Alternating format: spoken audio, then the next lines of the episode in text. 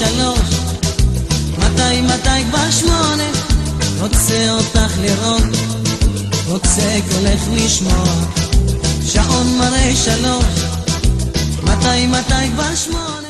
שלוש קבוצות ישראליות, שלב ה top שמונה. הפועל ירושלים, הפועל תל אביב, מכבי תל אביב, שלושתן עכשיו ברבע הגמר. הפועל ירושלים באחת אחת מול אייק אתונה, לאחר משחק שספק אם היה בו כדורסל, והיו בו הרבה מאוד דברים שנדבר עליהם בפרק הנוכחי. הפועל תל אביב, לאחר הצגה מטורפת מול ונציה, עם קריסה קלה ברבע האחרון, ועדיין, לקראת משחק סופר גורלי ברבע גמר היורו-קאפ מול בדלונה. ומכבי תל אביב מסיימת את עונת היורוליג במקום החמישי לקראת סדרת חוץ מול מונקו, כשהיא מתכוונת ללכת עד הסוף, שלוש קבוצות, אנחנו בדרך לטופ שמונה, השעה היא רבע לשלוש, רבע גמר לשלוש קבוצות, אנחנו במפה פרק שלושים, אנחנו מתחילים עכשיו.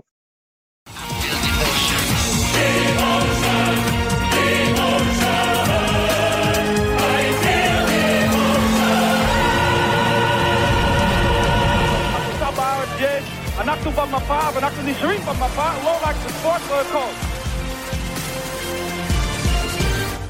אז אנחנו במפה, פרק 30, הפודקאסט שמסקר את הקבוצות הישראליות באירופה. אנחנו פה לוקחים אתכם לשעה של כדורסל באוטוסטרדה הכי מהירה באירופה.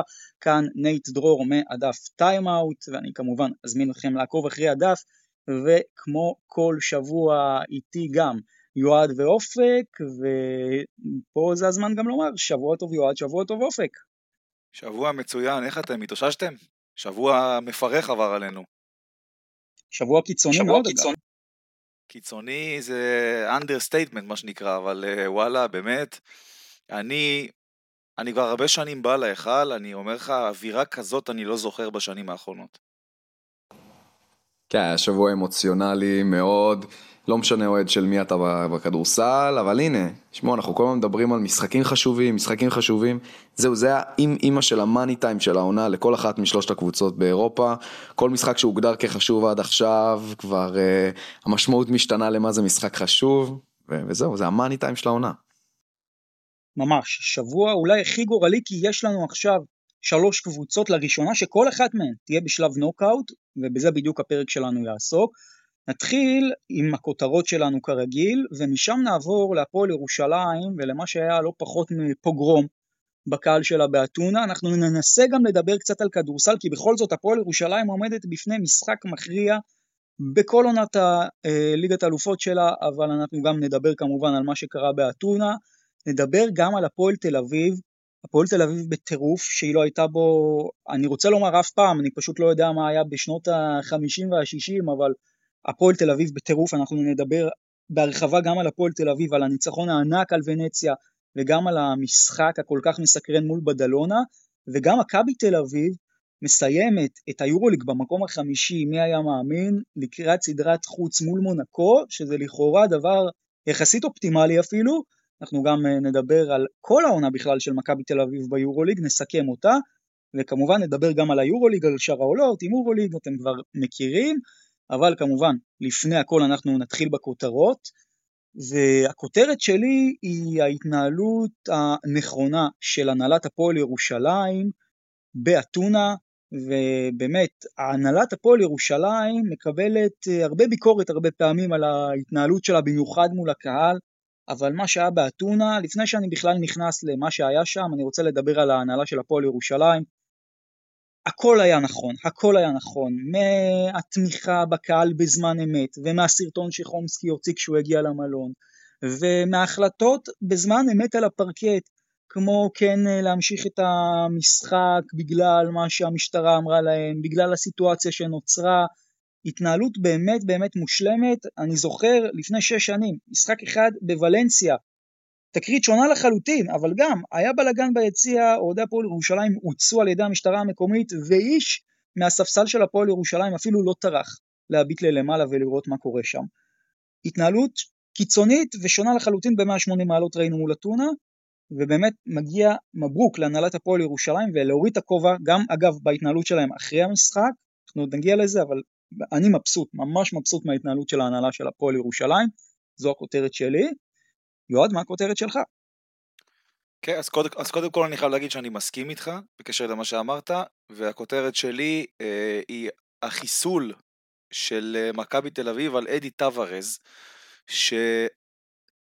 שטווארז משחק ביורוליג מעונת 17-18. אני לא זוכר בשום משחק של מכבי מול ריאל מדריד שהיא הצליחה באמת לנטרל את טווארז ולגרום לו באמת לא להיות כמעט רלוונטי למשחק כמו שהיא הצליחה במשחק ביום חמישי. אה, וזה מתחיל ב...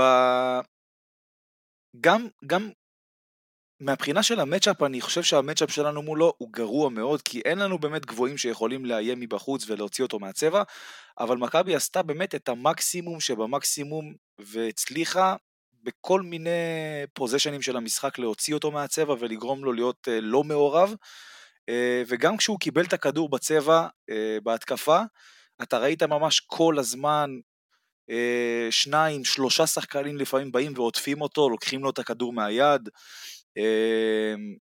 גם אם זה עזרות שהוא מקבל ממש את הכדור, אנחנו זוכרים את המהלך הזה שבונזי קולסון שם מגיע לעזור, ובאמת אני, אה, בתור אחד שכל כך הרבה שנים אה, סבל מטווארז ומהנוכחות שלו, במשחק הזה אה, הרגשתי את זה פחות, ואני חייב פה להגיד שאפו למכבי תל אביב ולקטש על ההכנה ספציפית לשחקן הזה, והלוואי שזה יימשך ככה גם בעונות הבאות מולם. לגמרי, עבודה מרשימה מאוד על, אה, על אה, טווארז, אה, ואני רוצה לקחת אתכם מפה לכותרת שלי שמתקשרת גם לכותרת של יועד, כי אחד מהפועלים השחורים שעשו את העבודה על טווארז, והוא ג'וש ניבו, שאפשר להגיד כבר בפה מלא שג'וש ניבו הוא, הוא סנטר יורוליג לגיטימי. מהתקופה הרעה שלו לפני חודש וקצת, וברצף הניצחונות של מכבי, הבחור עומד על 11 נקודות ותשעה ריבאונדים למשחק. אתה יודע, אני, אתם יודעים, אני הייתי בקובנה ואני ראיתי את, ה, את העיניים של, של ניבו כשהוא ירד לחדר הלבשה אה, אחרי ההחטאות, ה, אפשר להגיד, מביכות ומכריעות שלו, ואתה ראית את ה, שהוא שבור. וזה, וזה בן אדם שהוא דובון אכפת לי בתחפושת של קינג קונג. זה שחקן ששם כל כך הרבה effort על המגרש, ובשנה השנייה שלו ביורוליג שיפר, באמת שיפר את עצמו. זה, זה, זה לא משהו שבדרך כלל רואים, לפעמים אתה רואה אה, ביטחון, סיטואציה, פה זה ממש אלמנטים שהוא שיפר במשחק שלו. זה גם את ההתמצאות שלו בצבע, שהוא כבר לא משוטט כל כך הרבה, הוא מתגלגל הרבה יותר טוב, אה, והתזמון שלו בהתגלגלות הרבה יותר נכון, אה, משחק את השורט רול הרבה יותר טוב, פחות אה, נופל לכל מיני טעויות אינפנטיליות שראינו אותו לאורך, ה, לאורך העונה הזאת. אז כשהביטחון בשיא, וכשהמשחק הרבה יותר מרווח, והתיאום עם הגארדים שלו, עם לורנזו ובולדווין משתפר, אז מגיעה גם ההצגה מול הסנטר, באמת הכי אימתני באירופה, כנראה הסנטר ההגנתי הכי טוב בהיסטוריה של המפעל, והבחור עם 15 נקודות, 11 ריבאונדים, כולל alley-oop על הראש של טווארז, ואת ה and one שם בשמאל על טווארז. אני לא יודע מה יהיה איתו שנה הבאה, כי זאת באמת סיטואציה מורכבת, גם עם פויטרס, גם עם רומן, אבל הוא שחקן נשמה שמתפתח מאוד בשנה השנייה שלו ביורוליג, כזה שאי אפשר פשוט לא לאהוב. אני חושב שכל השדרוג שלו נובע באמת החיבור הקבוצתי ש, שדיברת עליו, כאילו. כל השטף, כל העניין, הוא יודע בדיוק איפה הוא צריך להיות ממוקם. אה, גם השורט רול שדיברת עליו, הוא יודע מתי למסור, להרים את הראש, לחפש את האקסטרה פס, אה, והוא עושה את זה מצוין במשחקים האחרונים, ובכלל בחודש וחצי, חודשיים האחרונים.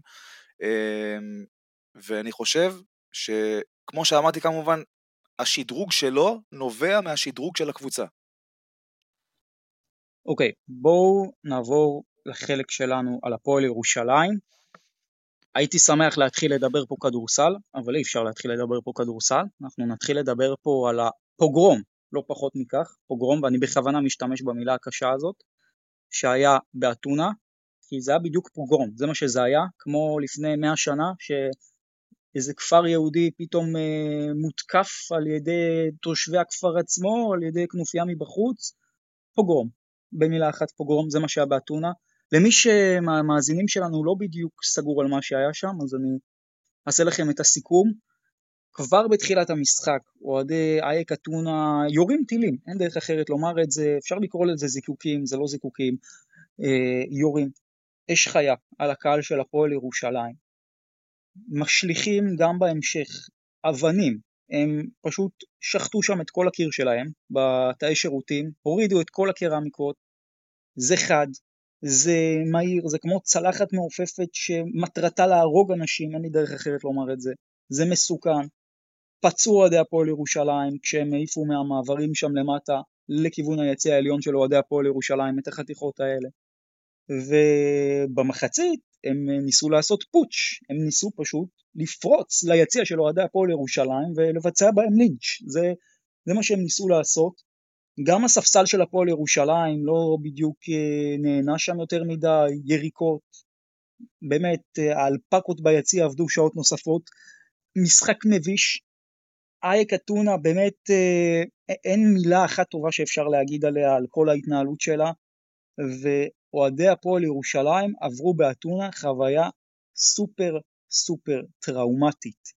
וזה דבר שאני רוצה לומר לכם עם כל הכבוד לכדורסל זה לא קשור לכדורסל ואנחנו אולי עושים פה הנחה כי כאילו זה כדורסל וזה קרה בתוך אולם חבר'ה מה שהיה זה היה מתקפת טרור על ישראלים שנסעו לראות משחק כדורסל ביוון, ואם לצורך העניין הדבר הזה אני לא יודע מה היה קורה במועדון או באיזה הצגה של 500 ישראלים נטו בגלל היותם יהודים ישראלים שמייצגים את העיר ירושלים היו מותקפים ככה לא רק שר הספורט בישראל היה מועיל בטובו להוציא איזה משהו זה הנושא שמעסיק את ראש הממשלה זה מבחינתי אמור להיות משבר דיפלומטי מול יוון עכשיו שוב, לא צריך להוציא את זה מפרופורציות, אבל אני מצפה קודם כל גם לתגובה מהממשלה היוונית עצמה.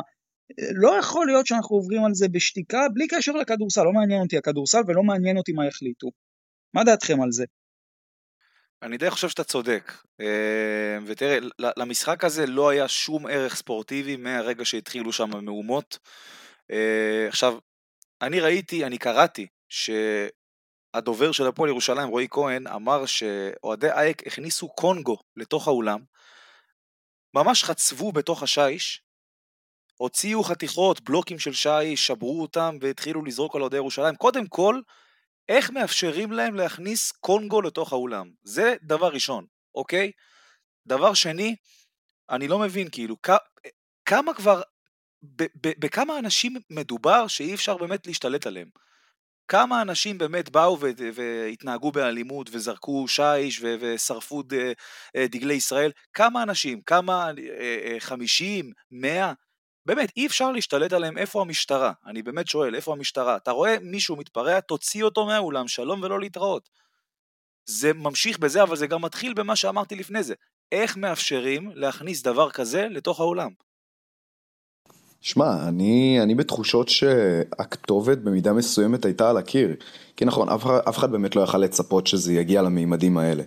אבל בוא, אתה, אתה מביא קבוצה ישראלית, גם בשלב מכריע של העונה, לאולם שאייק אתונה ידועים כאוהדים היוונים הכי קיצוניים אה, בתגובות שלהם. קבוצה ישראלית, אולי אפשר להגיד שהיה פה רשלנות מלכתחילה, שלא התכוננו כמו שצריך למשחק הזה, כי אפילו פה, פה בישראל יודעים טוב מאוד להתכונן לפני משחקים נפיצים, וגם באירופה יודעים לעשות את זה.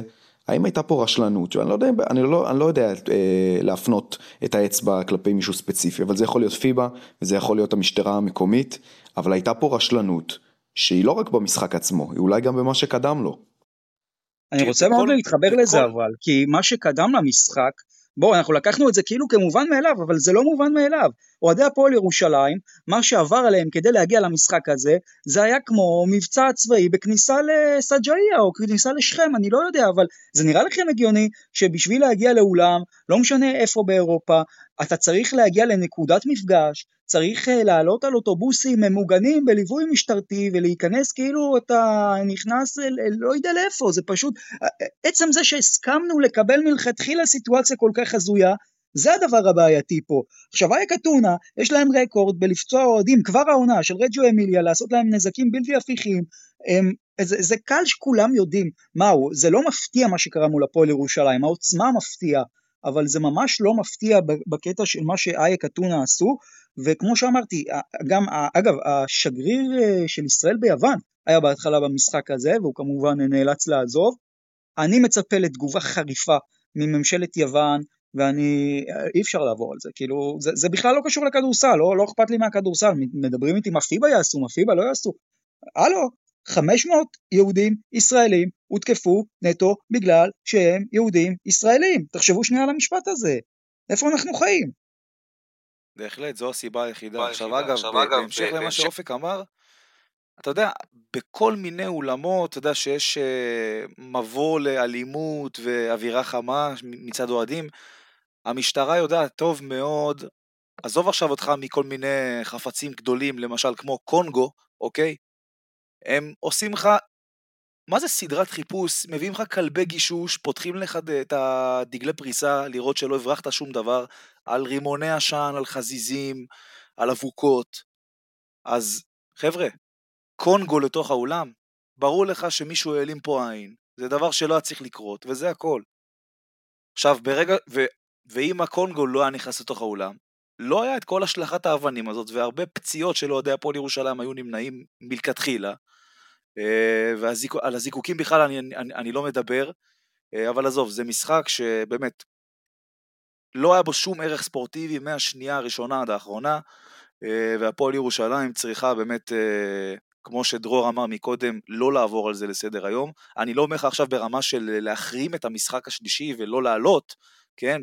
בסוף זה ספורט ואתה רוצה לנצח, אבל היא לא צריכה לעבור על זה לסדר היום ובאמת לפעול אה, אפילו אמ, במטרה שאייק לא תמשיך לשחק ב-BCL.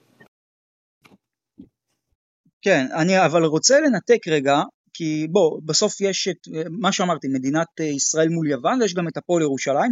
אתם מסכימים עם כל ההחלטות של הפועל ירושלים במשחק הזה, כולל אגב ההחלטה להמשיך ולשחק במחצית לאור הערכות המשטרה, אבל זה לא היו רק הערכות משטרה, גם בסוף נגיד את זה בצורה מאוד ברורה, אוהדי אייק אתונה פעלו גם בצורה מאוד מתוחכמת, כי את הפוגרום הם עשו באוהדי הפועל ירושלים. על הפרקט הם יחסית שמרו, כלומר לא ראיתם יותר מדי פעמים שהמשחק מופסק כי חפצים הושלכו לפרקט, זה קרה, אבל הם ידעו בדיוק מה לעשות ואיך לעשות גם כדי שיהיה מאוד בעייתי לעצור את המשחק הזה. הזה. שמע, זו הייתה איזה מין סיטואציה סוריאליסטית כזאת. אתם יודעים, יש את הסצנות האלה בסרטי אקשן, סרטי אלימות וכאלה, שרואים את שני, את הגיבור והנבל רבים כזה מכות בקומה למעלה, ואז עושים קאט לקומה למטה ורואים אנשים אוכלים כזה ארוחת ערב בשקט, ואז שוב קאט למכות למעלה. זה פשוט היה הזוי לראות שממשיכים לשחק כדורסל. כביכול כרגיל, נכון, היה אווירת לחץ ו- ופאניקה, אבל בגדול ממשיכים לשחק כדורסל.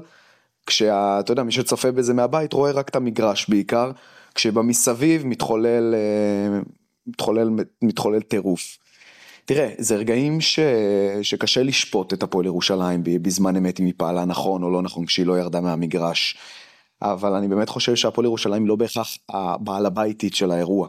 יש פה משטרה ויש פה את הארגון עצמו של פיבה. שהם היו צריכים לקחת את הצעד, וואנס הם החליטו להמשיך את המשחק, והשופטים החליטו להמשיך את המשחק, אז הפועל ירושלים חי בעמדת אה, חולשה במקרה הזה. אה, ולהתחיל לחשוב על מה היה קורה בהמשך, אם היו פתאום מקבלים עונשים על זה שהם הפסיקו את המשחק ולאן זה היה הולך, זה משהו שמלחיץ לקבל בזמן אמת. אני לא חושב שהרבה מתחרטים על ה... בהפועל ירושלים, בהפועל ירושלים הכוונה שמתחרטים על ההתנהלות בזמן אמת. טוב, בואו נדבר טיפה אולי כן אה, קצת כדורסל. מבחינתכם, כי יש על זה דיון מאוד סוער, האם אפשר לקחת את תוצאת המשחק הזו, הזה ברצינות, או שאתם אומרים, בכלל לא מעניין הכדורסל, לא קרה. ממש לא, ממש לא. שום ערך ספורטיבי לא היה למשחק הזה. הפועל ירושלים בכלל לא התעסקה בכדורסל, היא התעסקה במה קורה ביציעים, הרבה יותר מאשר בכדורסל. אה, ואני חושב שבאמת אין, אין טעם באמת אה, לנתח אפילו את המשחק הזה מקצועית. אז בסדר, אפשר להגיד הפועל ירושלים לא הגיעה הגנתית, אבל כמו שאמרתי, אה, באמת אין שום דבר להתייחס אליו מקצועית. למרות שאתה יודע מה, אם אני באמת חופר אני יכול למצוא איזה משהו קטן, וזה התפוקה של הנקינס והעבודה של איי, כי זה לא רק במשחק השני, זה גם מה שקרה במשחק הראשון. הם הצליחו להוציא לגמרי את הנקינס מאיזון. אה, וזה יכול להיות משמעותי גם למשחק השלישי, אה, והפועל ירושלים תצטרך למצוא פתרונות לזה. אני בעיקר מסתכל על המשחק הזה ואת החשיבות מבחינת כדורסל שלו, בהסתכלות קדימה על המשחק השלישי. אה, כי מה שקרה הוא לא מתנקז ל-40 דקות נטו ומיד אחר כך הכל בסדר. הרגשות וכל הסערה שהיה סביב המשחק הזה, אה, גם אוהדי וגם אנשי הפועל ירושלים ושחקני הפועל ירושלים סוחבים את זה עד עכשיו וגם במשחק אה, ברביעי. מה שהפועל ירושלים צריכה לעשות כרגע והשחקנים שלה זה פשוט להיות מקצוענים, להתעלם מרעשי הרקע, להתעלם מהסערה, לבוא עם קלאס, לבוא לשחק את הכדורסל שלה ומה ש, שנקרא לתת לאייק בראש ב... בכלים, ה... בכלים שצריכים לתת להם בראש. בכלים לבוא וגם אני מצפה. בדיוק בכלים הספורטיביים, אני מצפה גם מהקהל, אני אומר לכם באופן אישי שאני הולך למשחק הזה, אה, אני אבוא עם דגל ישראל, למרות שאני לא אוהד הפועל ירושלים, ונעשה את המחאה הלא אלימה שלנו בכל מה שקשור לזה, הפועל ירושלים בעזרת השם תעלה בקלאס לפיינל 4, ושאייק אתונה, ה- באמת, שצריכה להתבייש בעצמה, אה, תישאר מאחור, וזה לדעתי הניצחון הגדול. אז אני גם רוצה לענות למה ששאלתי אתכם, ושמעתם אותי איך אני מדבר על האירועים שם, והכל נכון, אבל לצערי, אם אני מסתכל על כדורסל, אה, זה פשוט לא, לא רלוונטי האירועים למשחק מכיוון שבעצם הסכמתה להשתתף בליגת האלופות של פיבה, הפועל ירושלים קיבלה על עצמה את המרות של בית הדין של פיבה ושל הכל, וכרגע מבחינת ה-BCL התוצאה היא אחת אחת, וכרגע המשחק הזה מבחינת ה-BCL נחשב גם נחשב, והאמת, כשאני הסתכלתי על המשחק, אפשר לומר הרבה דברים, זה לא ששחקני הפועל ירושלים, אה, הראש שלהם בכלל לא היה שם, נכון שהם לא היו מרוכזים, אבל זה אי אפשר גם לומר שאי אפשר להתייחס שם לכדורסל, והיו שם לא מעט דברים אגב, שראינו שקרו גם במשחק אחד וקרו גם במשחק הזה, אז לנתק את זה לגמרי אני לא מוכן, אוקיי? אני רוצה לקחת אתכם לשלושה דברים שמבחינתי גם קרו במשחק אחד וגם קרו בעוצמה במשחק הזה, אחד כמו שיועד אמר זאק הנקינס, אייק אתונה מצא את הפתרון המושלם לזאק הנקינס, במיוחד בהתקפות של הפועל ירושלים, הם קודם כל מאוד אגרסיביים איתו, הם לא מתביישים גם לשדר לשחקני הפועל ירושלים, אנחנו עושים hack the הנקינס, אנחנו כל פעם שהוא יקבל את הכדור אנחנו נעשה עליו פאול, ובמקרה הכי גרוע הוא ילך לקו, זה מונע בכלל מהשחקנים, מהרכזים של הפועל ירושלים למסור לזאק, כי הם מבינים שבמקרה הכי טוב מה שיצא מההתקפה הזאת זה אולי נקודה מהקו, או, שהכד... או שההתקפה תיעצר. אבל אה, גם זאק הנקינס שהוא מגיע לצבע הוא נתקל הרבה פעמים בחומה של שני שחקנים קשה מאוד, ירושלים חייבת למצוא לזה פתרון. עוד דבר שהוא, כולם מדברים על ההגנה של הפועל ירושלים, אבל ההגנה של הפועל ירושלים לא מתפקדת בסדרה הזאת, גם במשחק אחד, אני דיברתי על זה גם אחרי משחק אחד, שאגב זה מצחיק, אבל הפועל ירושלים uh, מול אייק אתונה, גם זה המשחק שהיא חטפה בו הכי מעט נקודות במשחק הראשון, בכל העונה שלה, ובמשחק השני היא חטפה הכי הרבה נקודות. אז אפשר להגיד חוסר ריכוז וזה, וזה לא היה בעיקר כדורסל, אבל אני חושב שיש גם קשר לכדורסל, כי בסוף הפועל ירושלים מגיעה ב over מוטיבציה מאוד בעייתית, היא הגיעה לזה במשחק 1 ו-2, אני מאוד מודאג לגבי העניין הזה אגב במשחק 3, וזה גורר טעויות מאוד בעייתיות בהגנה. over מוטיבציה זה יכול להיות טוב אם אתה יודע לאן לתעל את זה. ומה שעושה הפועל ירושלים בהגנה, היא הרבה פעמים מביאה עזרות מיותרות. אני, מי שאיתי בקבוצות הוואטסאפ של אוהדי הפועל ירושלים גם ראה במדויק על מה אני מדבר, אבל כמעט כל שלשה שאייק אתונה קלעה זה כי שני שחקנים משום מה החליטו לצופף בצבע ולהשאיר את הקלעי פנוי לשלוש, לא צריך להביא דאבל אפים, לא צריך להביא כל הזמן טרפים, ההגנת אחד על אחד של הפועל ירושלים מתפקדת כל העונה, והטעויות האלה של הפאניקה, של לנסות שכל שחקן יהיה כל הזמן בכל מקום, לא עוזרות, זה מאוד מאוד בעייתי, וגם אלמנט הלחץ זה הדבר השלישי שהוא מתחבר לי לשני, אני לא יכול להתעלם ממנו, כי הפועל ירושלים סופר לחוצה בסדרה הזאת, גם במשחק הראשון, שוב, גם במשחק הראשון ראינו את שלושת הרבעים האחרונים, גם במשחק השני כמובן זה סיטואציה, אבל אין מה לעשות חבר'ה, אין מה לעשות, זה כדורסל, זה שחקנים מקצוענים, וזה, אף אחד לא טען שזה יהיה קל, אז זה לא היה אמור להיות, ואני בעד שגם אה, איה קטונה תקבל על זה הפסד טכני, כי באמת מעבר לכדורסל, לא הגיוני שמשחק כדורסל ייחשב בסיטואציה בה אוהדים של קבוצה אחת עוברים פוגרום ביציע, אבל כל עוד זו התוצאה, בוודאי שאני, כמו הפועל ירושלים, אאלץ לקבל את המרות של פיבה ולהתייחס למשחק הזה גם מקצועית, וכן, מבחינה מקצועית היו שם הרבה מאוד בעיות לדעתי, אנחנו לא יכולים להתעלם מהם, ואני רוצה לקחת אתכם מפה למשחק שלוש, אני מאוד מודאג מה... גם מזה שהראש של הפועל ירושלים לא שם, אבל גם ה over מוטיבציה, כי כל הלחץ על הפועל ירושלים, והתחושה היא שהפועל ירושלים עושה שטויות גם של לחץ וגם של רצון, שזה לכאורה דבר חיובי, אבל אם שוב יעשו את הטרפים האלה בהגנה ושחקני אייק פשוט אה, היו שם באמת שלשות של אוריולה מהאמצע, פנויות לחלוטין, שלשות של שחקנים, אם זה יקרה המצב לא טוב. תנו לי נקודות שלכם לקראת המשחק הזה. קודם כל, הפועל ירושלים צריכה להביא לידי ביטוי את אנקינס, כי בלעדיו, אה, או לפחות כמו שהוא נראה בשני המשחקים האחרונים, יהיה לה מאוד קשה לנצח. אה, וכן, ובקטע הלא מקצועי, היא צריכה לייעל את האנרגיות אה, ואת כל ה... איך, איך אני אקרא לזה? עצבים מהמשחק הקודם וממה שהם עברו שם, לאנרגיות במשחק הזה. ממש אה, להעתיק את זה לאנרגיות במשחק הזה ולשאוב משם את האנרגיה ולבוא ולטרוף את המגרש הגנתית, התקפית, לרוץ, להרביץ, כמו שהיא יודעת. אה, ועם הקהל ועם כל הטירוף, אה, אני מאמין שהיא כן יכולה לעשות את זה. וגם בהמשך לפרק הקודם אמרתי שלהפועל ירושלים יש יתרון על אייק בכישרון, ואני חושב שזה גם יבוא לידי ביטוי במשחק השלישי. זהו, אני גם, הפועל ירושלים קבוצה טובה יותר מאייק אתונה. כל מה שהיא צריכה זה להירגע, לא להיכנס לפאניקה הזאת, פשוט לשחק את הכדורסל שלה. אתה יודע, זה גם, אתם יודעים, זה נתן לאייק כזה ביטחון, בעיקר במשחק השני. פה פשוט צריכה לא לאפשר לאייק להגיע לאחוזים כאלה ולביטחון הזה, פשוט צריך לגרום להם אה, יותר ללחץ, יותר לפאניקה. בנוסף, דגש גדול מאוד על הריבאונד, לנסות לראות איך מחזירים את הנקינס אה, בכל מה שקשור בהיבט, בהיבט ההתקפי. קבוצה יותר מוכשרת, 35 דקות של ריכוז, קצת שמלחיצים את היוונים, ששחקנים כמו ספידי, ליוואי, הנקינס, בראון, פשוט ייתנו את השטנץ הקבוע שלהם עם הקהל, שאני בטוח שגם בטוח ישבור את השיא העונתי אה, בכל מה שקשור למספרים. וזה אמור לעשות את העבודה. לא צריך הרבה יותר מזה, לפעמים כשלוחצים יותר מדי, בסוף, אה, בסוף יוצא משהו אחר.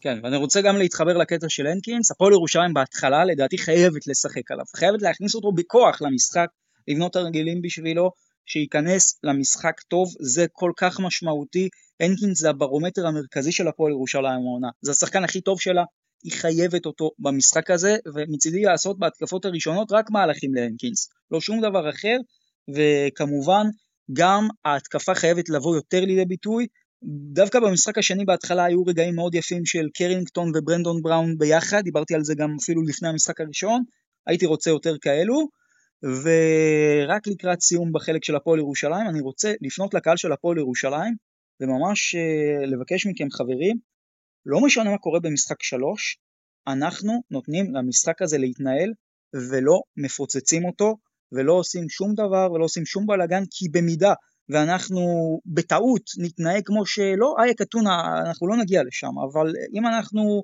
נפריע למשחק הזה יש פה גם סיפור על נרטיב.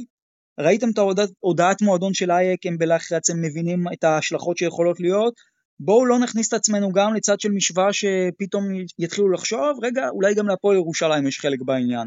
יש פה צד אחד שיצא בסדר גמור, שזה אנחנו, צד אחד שהוא היה הנבל, שזה אייק אתונה, בואו נשאיר את זה ככה. בואו לא ניתן להם את הסיבה ואת התענוג לחגוג לנו על הראש גם בקטע הזה. לפוצץ את המשחק זה לא הדרך. טוב, אז מפה נשנה קצת אווירה, כי באותו ערב, אה, ככה קיבלנו את זה ממש בזמן, הפועל תל אביב, ונציה, זה, אני רוצה לקחת אתכם קודם למה שקרה לפני המשחק מול ונציה, כי הפועל תל אביב עשתה קמפיין מאוד מאוד מעניין של לבוא מוקדם, והקהל שלה, קודם כל אני לא יודע כמה אנשים היו בדרייבין, אבל uh, הדרייבין היה בתפוסה של 120, 130, 140 אחוז, יהיו שיאמרו אפילו 150 אחוז, uh, באמת הדרייבין היה מפוצץ, ו... אוהדי הפועל תל אביב כבר חצי שעה לפני המשחק מול ונציה, פשוט הרימו מופע עידוד שאני לא זוכר כמוהו בישראל כבר הרבה מאוד זמן, פשוט קהל שלם שעומד על הרגליים ומעודד, זה היה פשוט מרשים, וגם במשחק עצמו, אז ונציה פותחת אותו סביר, או אפילו טוב, 12-9 עשתה ונציה בחמש-שש דקות הראשונות, ואז שתי שלשות של ג'קובן, ומשם התחילה המסיבה, זאת הייתה ריצת 36, שגולת הכותרת שלה, וזה הכי כיף, זה הישראלים. זה עידן זלמנסון שהיה מצוין בסוף הרבע הראשון, זה גיל בני עם השלשה שם, שאני חושב שפשוט אה, שלחה את כל הדרייבים בטיל הגלקסיה. זה היה בר תימור, שמונה נקודות תחילת רבע שני, היה נהדר בר תימור, גם ברבע השלישי, גם ראינו שם יותר את תומר וגם כל הישראלים שדיברתי עליהם, ובכלל שלושה רבעים ראשונים. תקשיבו, זה היה אחד מהמשחקים הטובים שאני זוכר שהפועל תל אביב שיחקה מול, ומה זה מול ונציה? שיחקה בכלל אי פעם, זה פשוט היה משחק מדהים, מדהים, אני פשוט נהניתי מכל רגע. יועד, מה, מה אתה אומר על זה?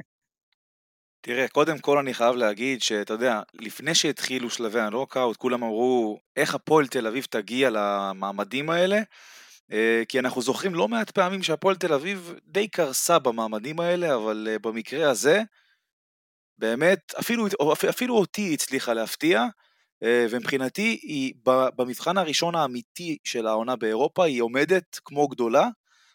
משחק נוקאוט על כל הקופה, זה לא פשוט לקחת, וגם צריך לדעת איך להגיע מנטלית מוכן למשחקים האלה וגם מקצועית. במיוחד כמובן שזה אצלך בבית עם כל הלחץ והקהל, אה, ושאפו להפועל תל אביב על זה.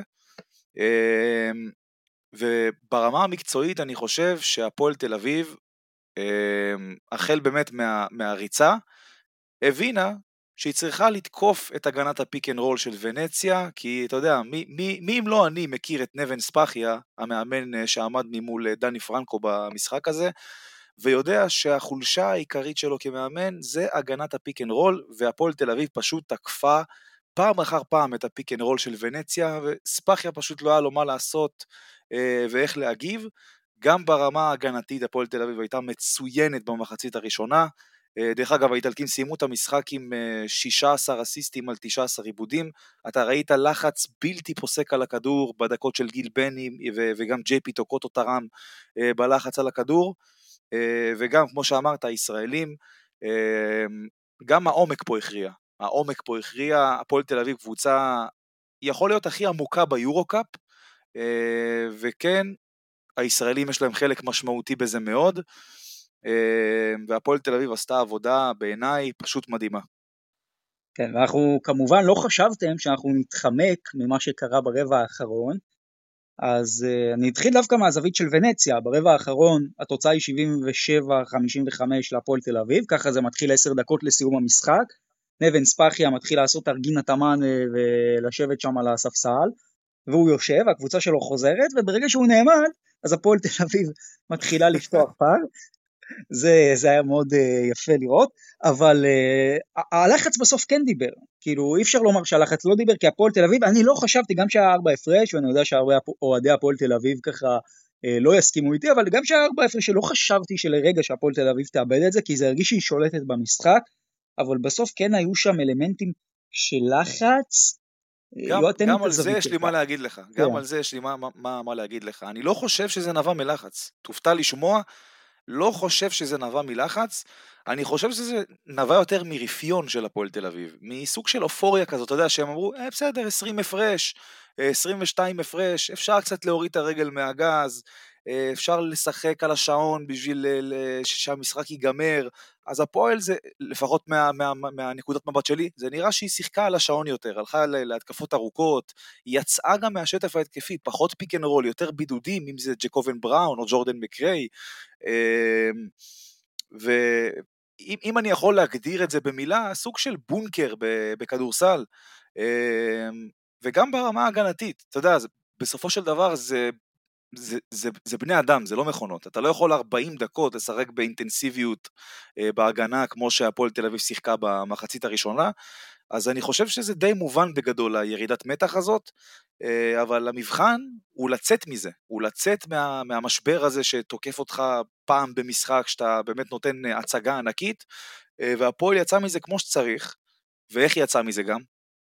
כמו שהיא נכנסה לזה, פחות או יותר, כאילו, היא חזרה, היא חזרה אה, אה, לתקוף את ה pick and roll, אה, ולא סתם, שני הסלים שלכאורה הכריעו את המשחק, הגיעו ממהלכי pick and roll של ג'קובן בראון ועם סיומת של צ'יננו אונואקו, אה, וגם העלתה את הרמה בהגנה, אה, בערך לרמה שהיא שמרה במחצית הראשונה, ופה בערך המשחק הוכרע. אני חושב שבסופו אה, של דבר, אה, ירידת מתח ותו לא, כמובן שהיא ב, לקראת המשחק החוץ הקרוב בבדלונה, דברים כאלה אסור שיקרו, אה, אבל בוא נראה.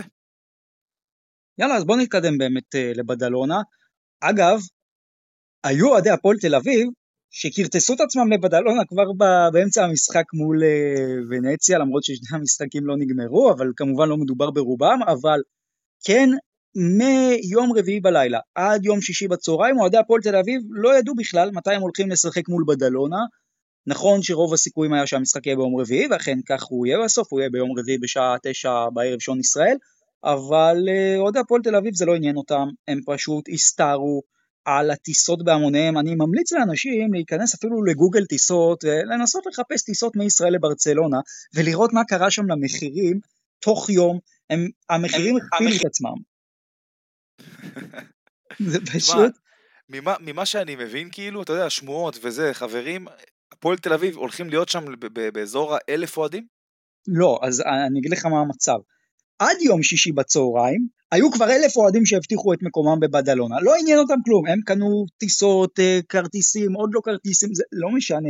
אוהדי הפועל תל אביב פשוט בטירוף שאני לא חושב שאי פעם קבוצה ישראלית הייתה בו, למעט אולי פיינל פורים ביורוליג, אבל רק תבינו מה הולך לקרות. אוהדי הפועל תל אביב, מעבר לזה שהם פשוט שברו את השוק של הטיסות, הם גם הולכים לחקור מטוס, בשעה זו שאנחנו מדברים העניינים ממש הולכים ונסגרים, אני מאמין שברגע שהמאזינים ישמעו את הפרק אז גם המטוס הזה כבר יהיה חקור, והם הולכים גם בסופו של דבר להביא לשם ככל הנראה אלפיים אוהדים אפילו, אה, זה כנראה אלפיים. המספר שיהיה.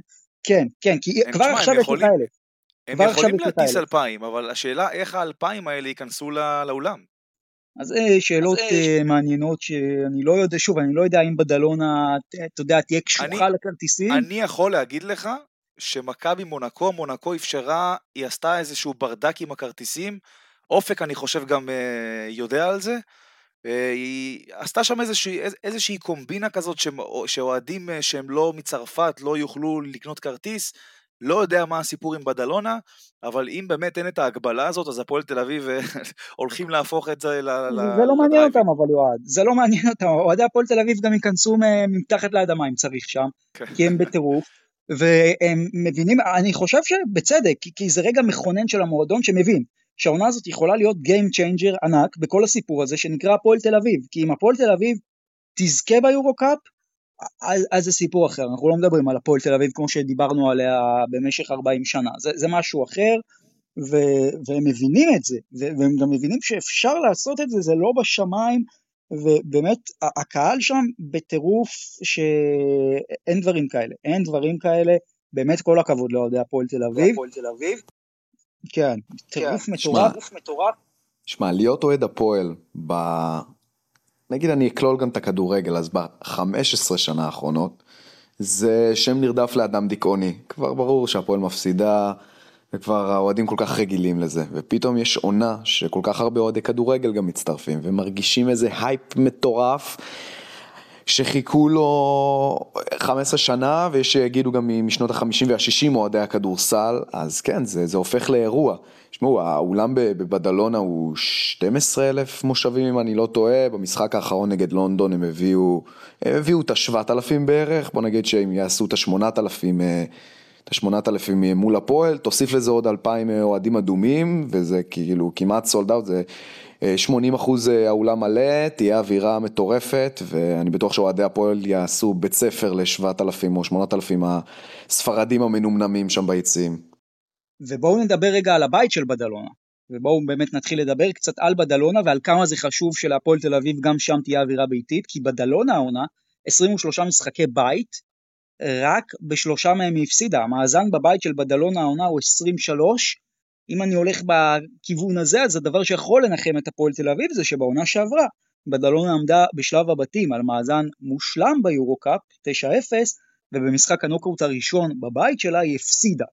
אז זה דבר שמלמד אותנו שאולי המאזן הביתי לא כזה משמעותי, אבל אני רוצה לקחת אתכם לרגע למי זאת בדלונה, היא קבוצה מאוד מאוד מעניינת, מוכרת אה, לכולנו דווקא מכבי תל אביב וניסי בדלונה, או לצורך העניין מהזכייה שלה פה ביד אליהו בפיינל 4 ב-94, מוכרת לנו בשנים האחרונות גם משון דאוסון, אבל אה, קודם כל בדלונה היא אחת הקבוצות הכי גבוהות באירופה. הגובה הממוצע של הקבוצה הזאת עומד על 2.02, זה קבוצה של נפילי אדם, אין לי דרך אחרת לומר את זה, הם קבוצה מאוד גבוהה והיא גם אחת הקבוצות הבודדות באירופה שמשחקת באופן תדיר עם שלושה שחקנים גבוהים על הפרקט כל הזמן.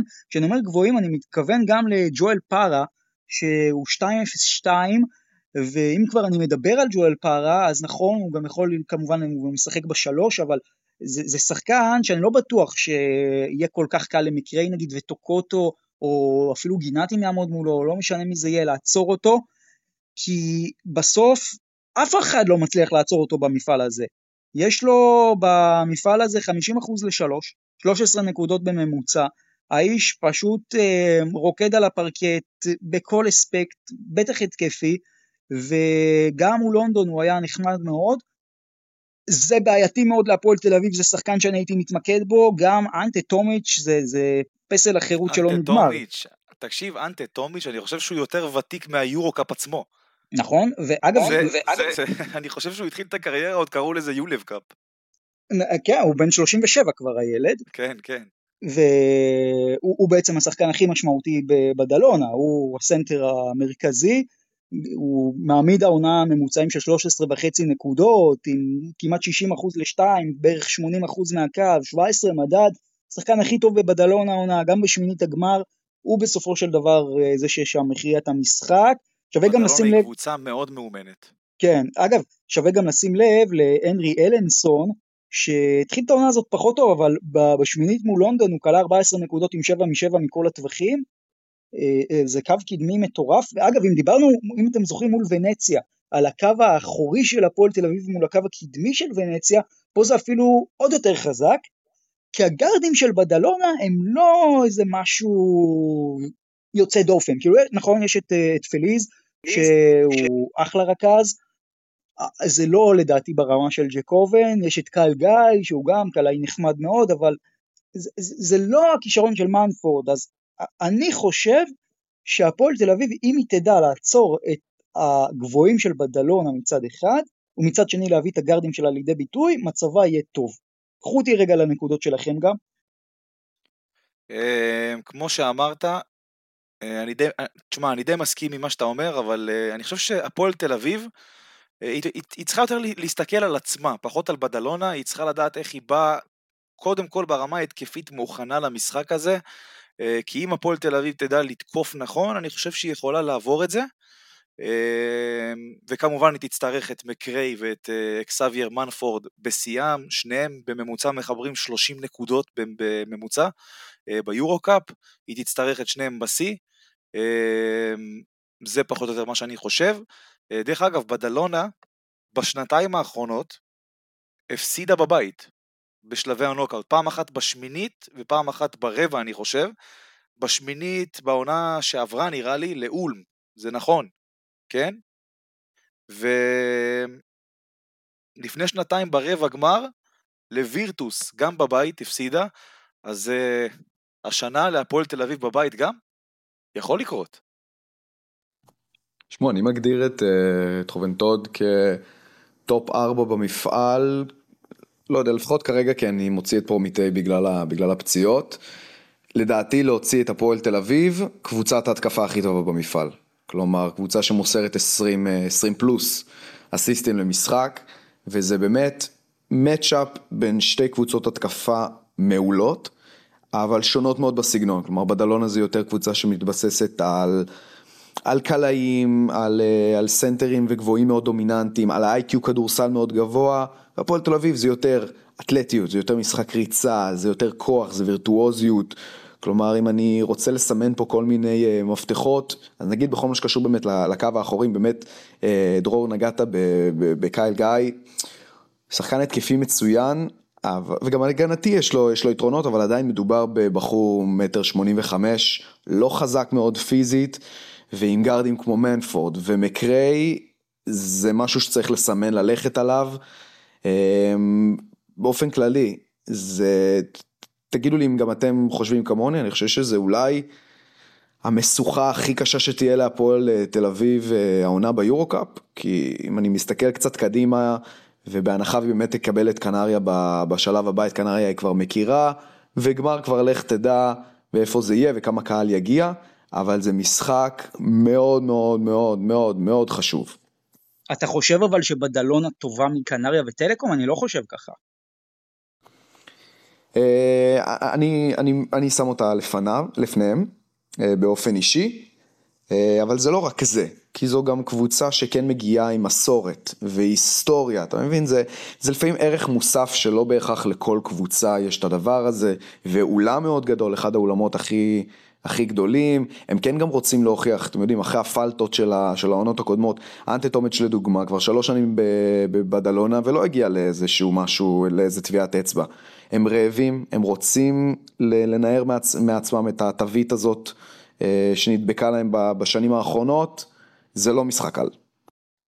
כן, ממש לא יהיה קל. אגב, נקודה מעניינת מאוד שהפועל תל אביב צריכה לשים לב אליה, בדלונה בשמינית הגמר מול לונדון קיצרה רוטציה בצורה קיצונית, רק תשעה שחקנים השתתפו, זה מאוד לא טריוויאלי לקבוצה ספרדית. אה, קייל גל למשל שיחק 35 דקות, שוב, מאוד מאוד חריג. דווקא הספסל של הפועל תל אביב, שראינו שאין הבדלים גדולים בינו לבין החמישייה, רגעים אה, שהמשחק הזה יתפתח אולי ברבע האחרון, יכול להיות מאוד משמעותי בשקט שהוא ייתן דווקא ברבע השני והשלישי, כי אם המשחק הזה יהיה צמוד והוא יתפתח גם אה, למשחק מאוד אינטנסיבי, זה יכול להכריע בסוף, זה יכול להכריע. עכשיו אה, בואו נתקדם באמת לשלב האחרון פה בקטע של הפועל תל אביב, וזה לקטע של ההימורים. אז האם הפועל תל אביב הולכת לנצח בבדלונה ולעלות לחצי גמר היורו-קאפ? תנו לי גם תוצאה מדויקת אבל. אני הולך עם הפועל תל אביב, תופתעו לשמוע. אה, שש הפרש, אני אגיד באזור ה-87-81.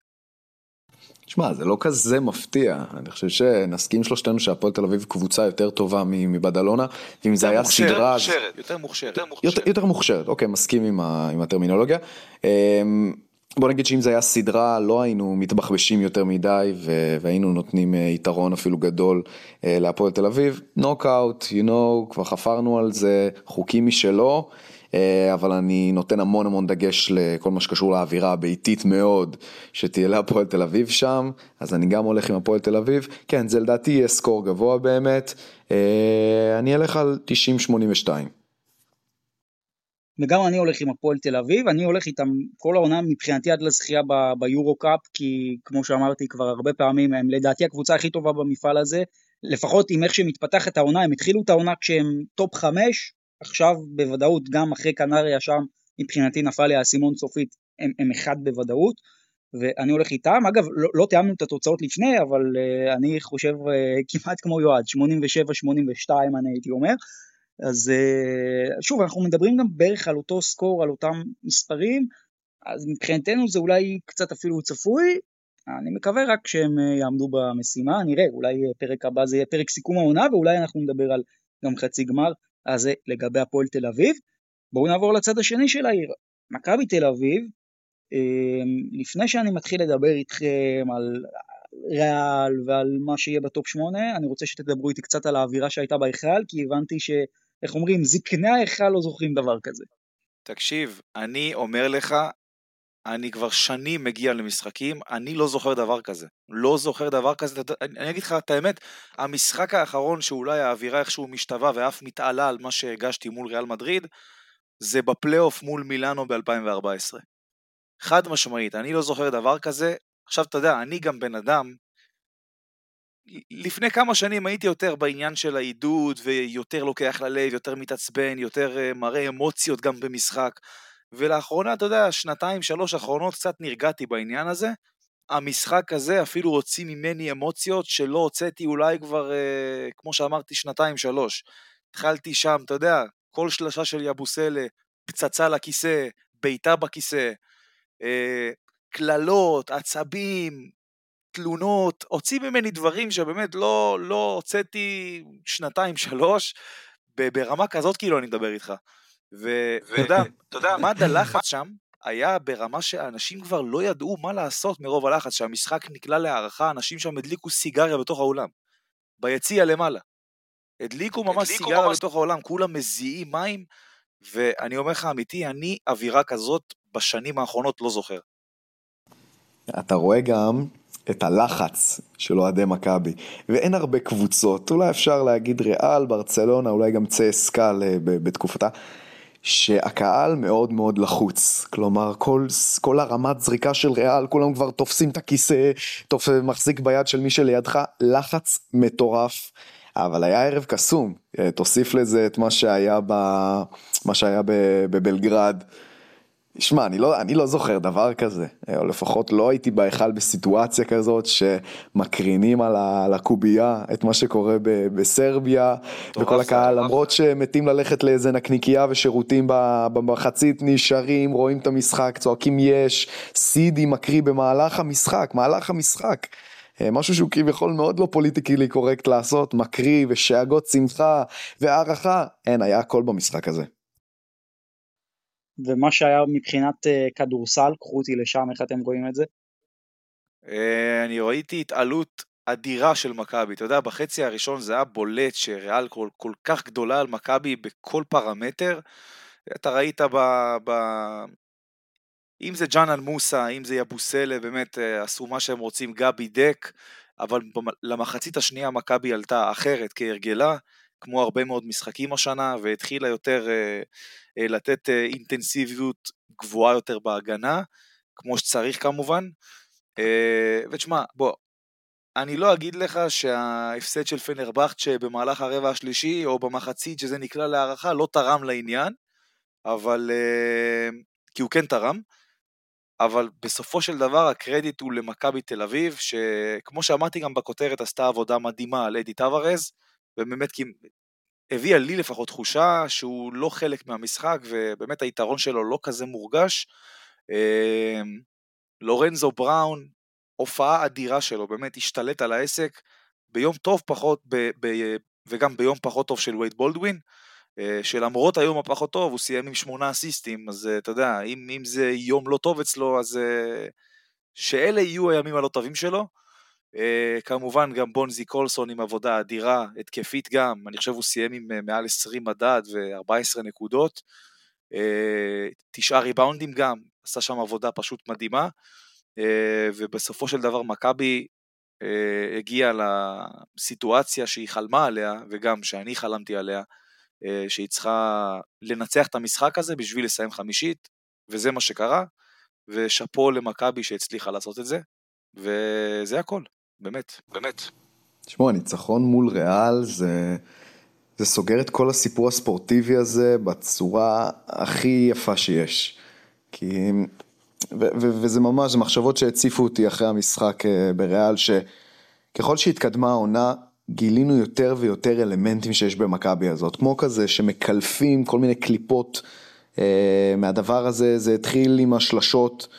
כשהעניין הקליעה, כל הקיץ שמענו, אבל אין קליעה, אין קליעה, אין קליעה, אין ריברו, ניבו, פוית'רס, אין קליעה. פתרו את העניין הזה. אחר כך הגיע עניין הריבאונד, פתחה את העונה כקבוצת ריבאונד מחרידה, ולאט לאט הפכה לקבוצת הריבאונד התקפה הכי טובה ביורוליג. ואז הגיעה ההתקפה, מהתקפות אה, תקועות, בלי פואנטה התקפית שמתבססת בעיקר על יכולת אישית, משחק שבלוני, צפוי, פתאום שטף. כימיה, מפלצת התקפית, ואז אתה מוסיף לזה גם את ההגנה, מקבוצה שיועד פה, כמות הפעמים שהוא, שהוא התעצבן ולא יכל לראות יותר את המספרים שהם 85 וצפונה, שמכבי מקבלת כל משחק, פתאום שמעו ברצף הניצחונות, מכבי שומרת את היריבות שלה על קצת יותר מ-70 נקודות, ובוא נגיד האכילה הרבה כובעים, כולל, כולל אותנו כאן. אבל במשחק הספציפי מול ריאל, גולת הכותרת בעיניי הייתה עניין האופי. ראינו לזה הבזקים מול אולימפיאקוס, מול מונקו, הנדולו בהיכל. ידענו שה, שהחדר הלבשה של מכבי הנוכחית סופר חיובי, אבל באמת שנגד ריאל זה היה כל כך בולט שזו קבוצה מנטלית.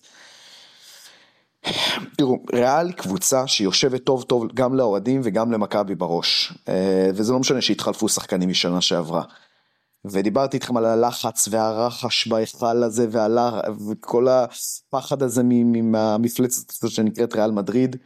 ומכבי גם במשחק לא טוב, 25% לשלוש, הרבה מאוד טעויות לא מחויבות, הרבה גם uh, רגעים שהיא לא הצליחה לנצל כל מיני מתנות שריאל נתנה לה, ובכל זאת, עם הלחץ, עם הזה שריאל חוזרת, והערכה, ולורנזו נפצע, והקהל בהיסטריה, והשופטים, בלה בלה בלה, בסוף, בשורה התחתונה, משיגה את הניצחון הזה, שמה את הלב על המגרש, ו... וזה משהו מאוד מאוד מרשים לראות. זה הדבר שהכי הרשים אותי, שבאמת, יום לא, לא, לא טוב בכלל של מכבי, כאילו, ולמרות זאת הצליחה לנצח את המשחק הזה, על אף היתרון המובהק שיש לריאל מדריד עליה, אה, וזה באמת הדבר שהכי הדהים אותי כאן. עודד, מלך ישראל, שרתם את זה או לא הייתם... אה, לא האמת אני שרתי, כן, אני הצטרפתי לשירה, כי אתה יודע, הייתי כבר באנרגיות ובאמוציות, אז יאללה, נצטרף, וגם, תשמע, תכלס מגיע לו, אחרי הכל. אני, כן, מגיע לו. אם, אם, אם בתחילת העונה היית שואל מישהו ש... אה, מה המאזן שמכבי תסיים, והיה אומר לך 20-14, מה, מה היית חושב, ו, ו, ומקום חמישי, מה, מה היית חושב על הבן אדם הזה?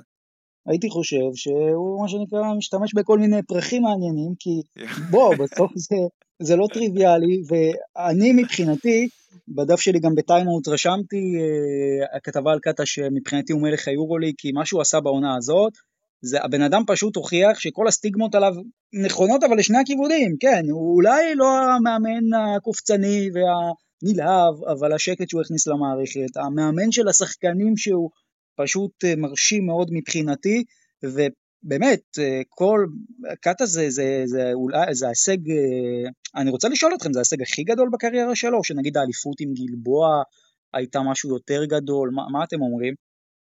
לדעתי, זה ההישג הכי גדול שלו בקריירה. יותר מהאליפות עם גלבוע גליל. אה, תשמע, לקחת קבוצה שבאמת נבנתה, מה זה אפס? מהאימא של האפס, 11-12 אה, שחקנים חדשים, אה, ולהביא אותה בעונה הראשונה שלה למקום חמישי ביורוליג, עם מאזן חיובי של 20-14, זה דבר מדהים בעיניי.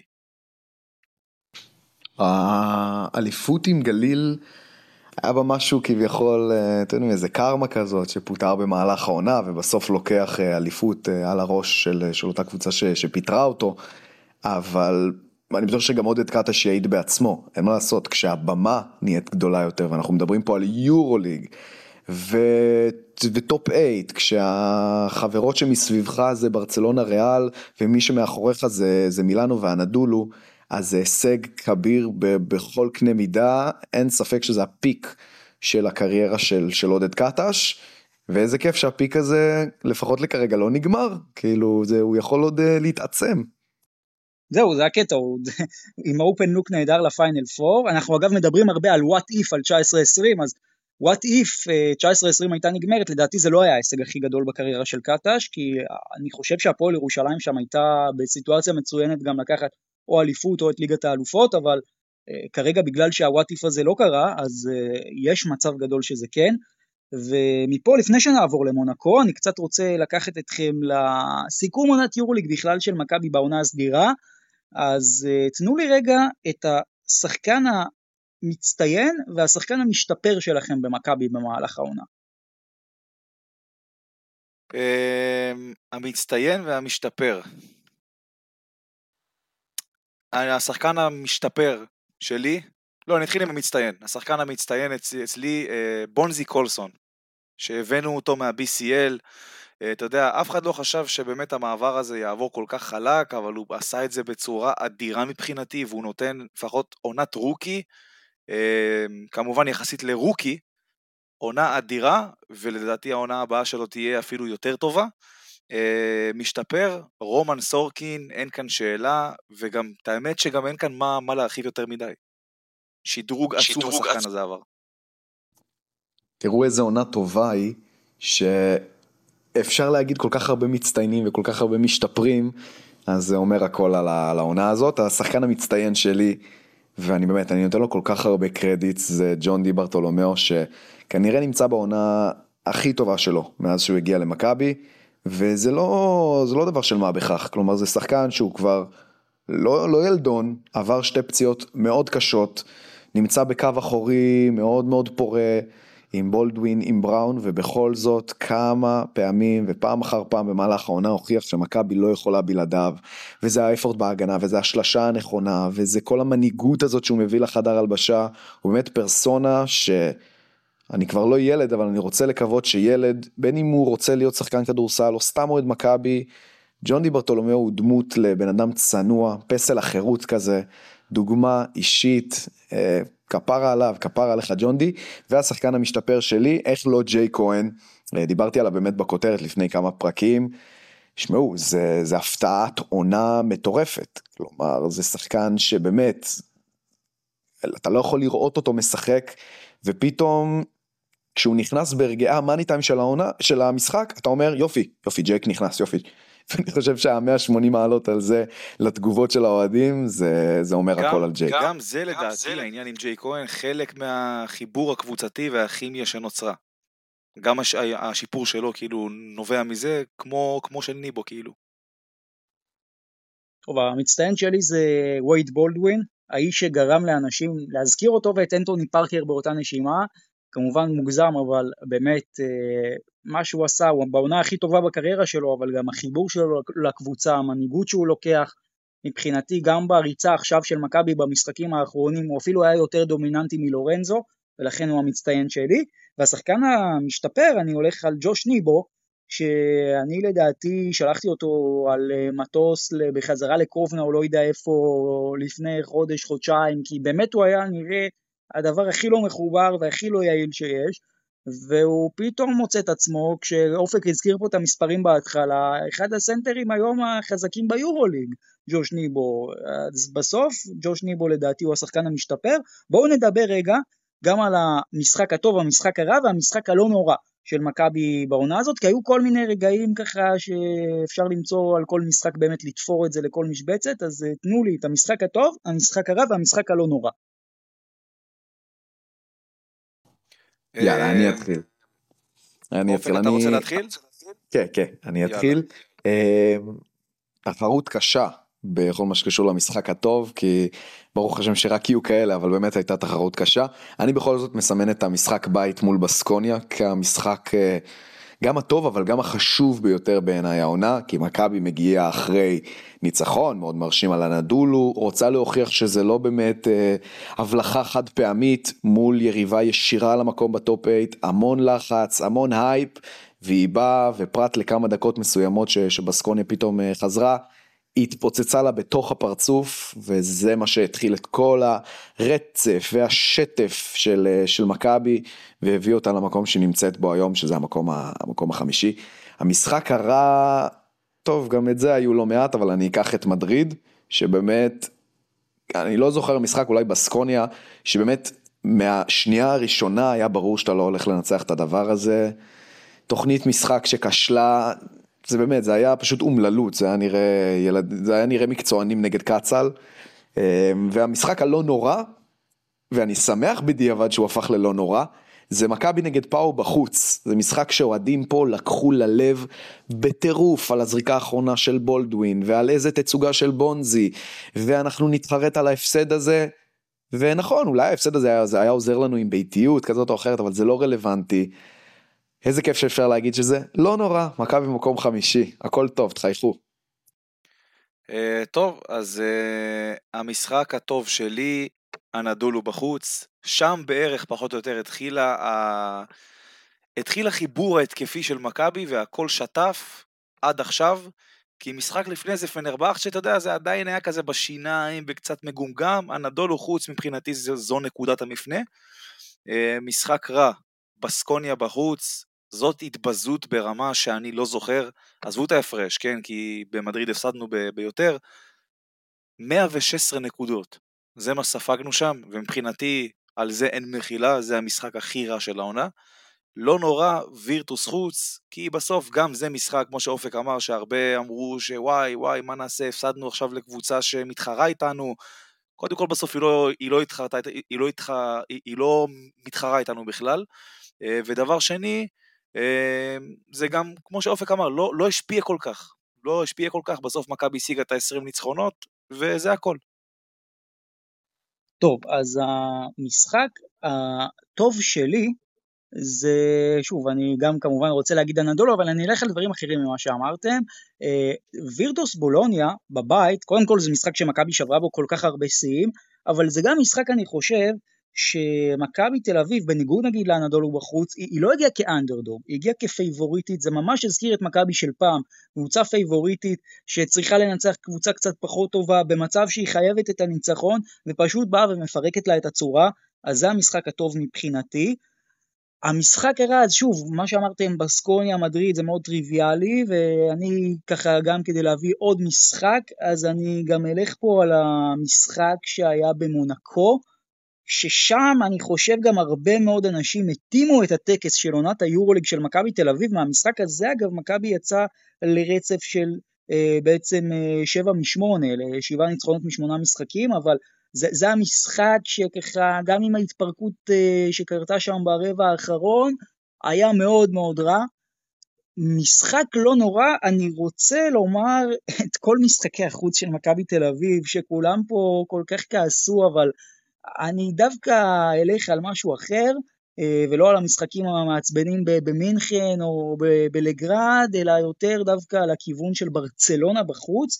שזה גם היה משחק שהרבה פעמים אוהדי מכבי הזכירו אותו אחרי זה שהוא קרה כמשחק ש, שהיינו צריכים לקחת, איך לא לקחנו, הובלנו בעשר הפרש, אבל משחק בכלל לא נורא, אני אפילו, שוב, בסיטואציה מסוימת היו לו אלמנטים מאוד טובים וגם אלמנטים פחות, אבל ממש לא נורא, ובסוף כן, זה גם לא היה משחק שמכבי הייתה צריכה לקחת אותו, אנחנו רואים את זה בדיעבד, אז זה המשחק בברצלונה, זה הלא נורא, ואנחנו גם נעשה סקר בשבילכם מבחינתכם, מה היה המשחקים הטובים, הפחות טובים של מכבי תל אביב, מה היה המשחק הלא נורא.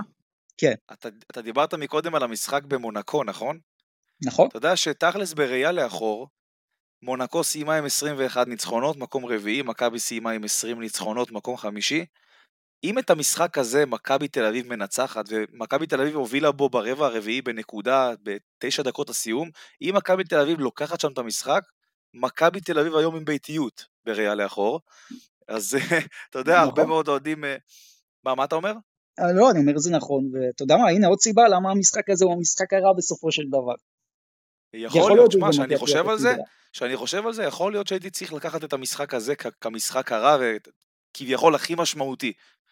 שאם מכבי תל אביב הייתה מנצחת אותו, אז למכבי תל אביב היום את הביתיות, וכבר, אתה יודע, הרבה מאוד אנשים היו מכרטסים כבר לקובנה. כולל אותי. אז בואו נדבר רגע על מונקו, כי בסוף אנחנו מסכימים על זה שזו האופציה הכי טובה שמכבי הייתה יכולה לקבל עכשיו?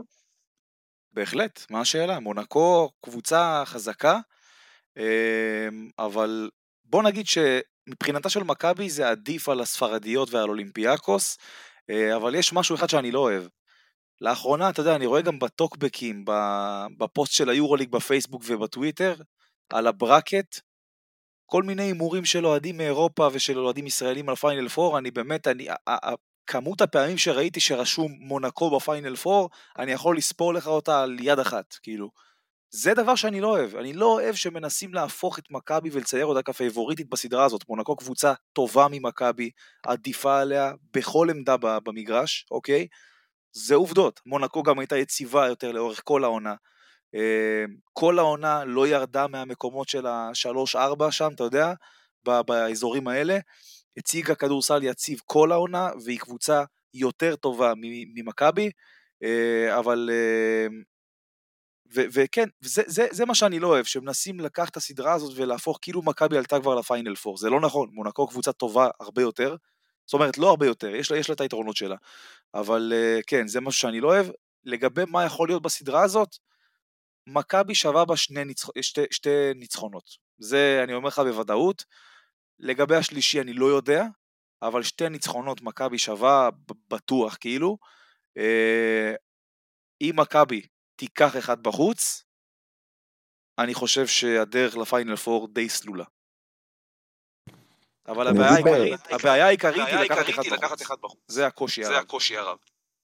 תראו, אני אגיד יחסית בקצרה, כי אני מניח שאת הניתוח המלא אה, ולרדת ליותר הפרטים נעשה בפרק הבא לקראת אה, התחלת הסדרה. אני כן אגיד שאני רואה כבר קווי דמיון למילאנו ב-2014, אני פשוט זוכר שההרגשה הייתה דומה. כלומר, אני זוכר שגם אז, בבית המקביל, נורא קיווינו שנקבל את, את מילאנו במקום השני. מסיבות דומות, לא כי מילאנו הייתה אז קבוצה לא טובה, הייתה קבוצה מצוינת, כמו מונקו עכשיו. אבל באמת זה התבסס יותר על, על כל מה שקשור ל... אתם יודעים, ארמני, ג'ורג'ו ארמני לדעתי קנה את מילאנו ב-2008, שמונה אם אני לא טועה, אז גם שם אווירה של אה, קבוצה שיש בה הרבה כסף ולא באמת מגיעה להישגים בשנים האחרונות. אז גם מונקו, אה, קבוצה שמזלזלים, ודיברת באמת יועד על עניין הזלזול, מדברים כי זה פחות סקסי לעוד קבוצה כזאת, אה, בטח אוהדים של האוהדים הפעילים בעיקר ברשתות, שזה ז'לגיריס ופרטיזן ופנר, זה קבוצות כן עם היסטוריה. לראות פתאום את מונקו, איזה קבוצה שמשום מקום בא, בא איזה אוליגר, שם שם בוכטות, ופתאום היא מביאה את מייק ג'יימס אליו קובו ונהיית, אה, ונהיית שם דבר, זה משהו שאנחנו לא אוהבים לראות, בטח כשהם ממול עומדת אימפריית כדורסל כמו מכבי. האוהדים של הקבוצות, אתה יודע, עם השמות ביורוליג, ברור שהם יותר מעריכים את מכבי, אין פה שאלה. אה, אבל עדיין, זה דבר שאני לא כל כך אוהב, כי מכבי לא פייבוריטית בסדרה הזאת בשום צורה. אם מכבי תיקח אחד בחוץ, אני כבר אדבר אחרת. אבל עד אז, זה הבדל של שמיים וארץ. דרך אגב, אתה דיברת פה על קווי דמיון למילאנו. יש לי פה עוד קו דמיון אחד להגיד לכם, אתם רוצים לשמוע? תן לנו את זה. בבקשה, בבקשה. במילאנו 2014, אוקיי? כמה שנים עברו מהזכייה האחרונה? האמת שגם אני כבר חשבתי על, ה... על העניין הזה, אבל כן, תשע שנים. הבנת על מה אני מדבר, בקיצור. שמע, אבל זה גם ברמת הסגל. כאילו, אם אתה רואה קיט לנגפורד בעמדת מייק ג'יימס, ג'רלס ואקט, כאילו ג'ורדן לויד ואוקובו, גני לוואל אפילו, אני לוקח אותו כדונטה הול כזה, ודייוויד מוס בדמות של ג'ון בראון. יש, יש כן, דמיון, יש דמיון. סמרדו סמואלס ממש דונטאס מוטיונס. בדיוק, אחד לאחד, גם דומים בפנים. וגיא פניני, בדמות גיא פניני. בדיוק. טוב, בואו אה, את הניתוחים ואת הכל נעשה בפרק הבא כמובן. אגב, הימורוליג, לא יהיה לנו בפרק אה, הימורוליג רגיל, אבל אני כן רוצה לפני שאנחנו עוברים לחלק של היורוליג, לקחת אתכם להימורוליג, וההימורוליג הפעם יהיה כמה אוהדים של מכבי לדעתכם יהיו במונקו במשחקים 1-2.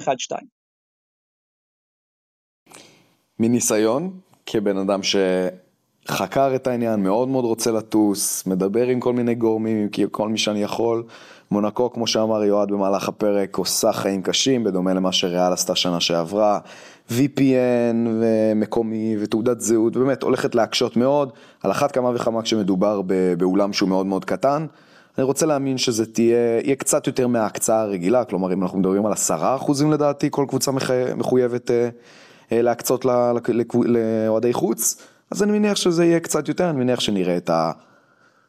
450 אה, צהובים ביציעים, וזה משהו שיכול מאוד להשפיע באולם קטן, בטח כשאוהדי מונקו הם לא עכשיו אה, אולטרס מטורף, מכבי יכולים להרים שם את האווירה, וקצת בדומה להפועל תל אביב, לגרום לאווירה מאוד ביתית.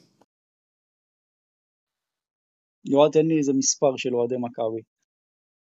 אה, האמת שאני לא, לא יודע להצביע לך במדויק, אבל אם אני צריך להמר, אז... Uh...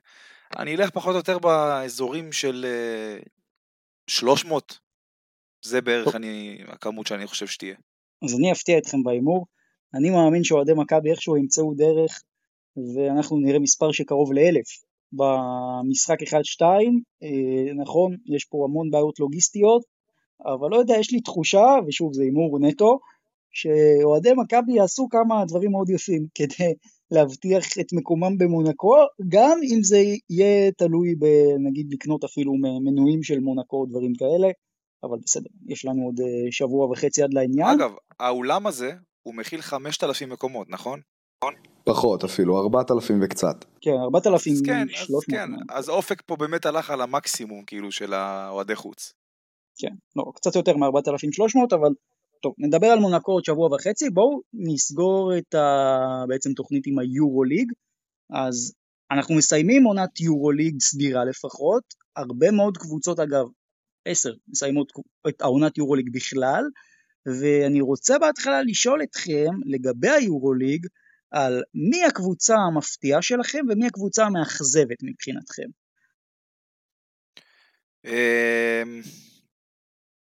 קבוצה מפתיעה, אני אלך על אולימפיאקוס. כי תשמע, ברור שכולם סימנו אותם כפיינל פור, אבל אף אחד לא חשב שבכזאת דומיננטיות, מבחינתי הם המפתיעים. מאכזבת, מילאנו חד משמעית, וגם אין כל כך הרבה מה, מה להרחיב.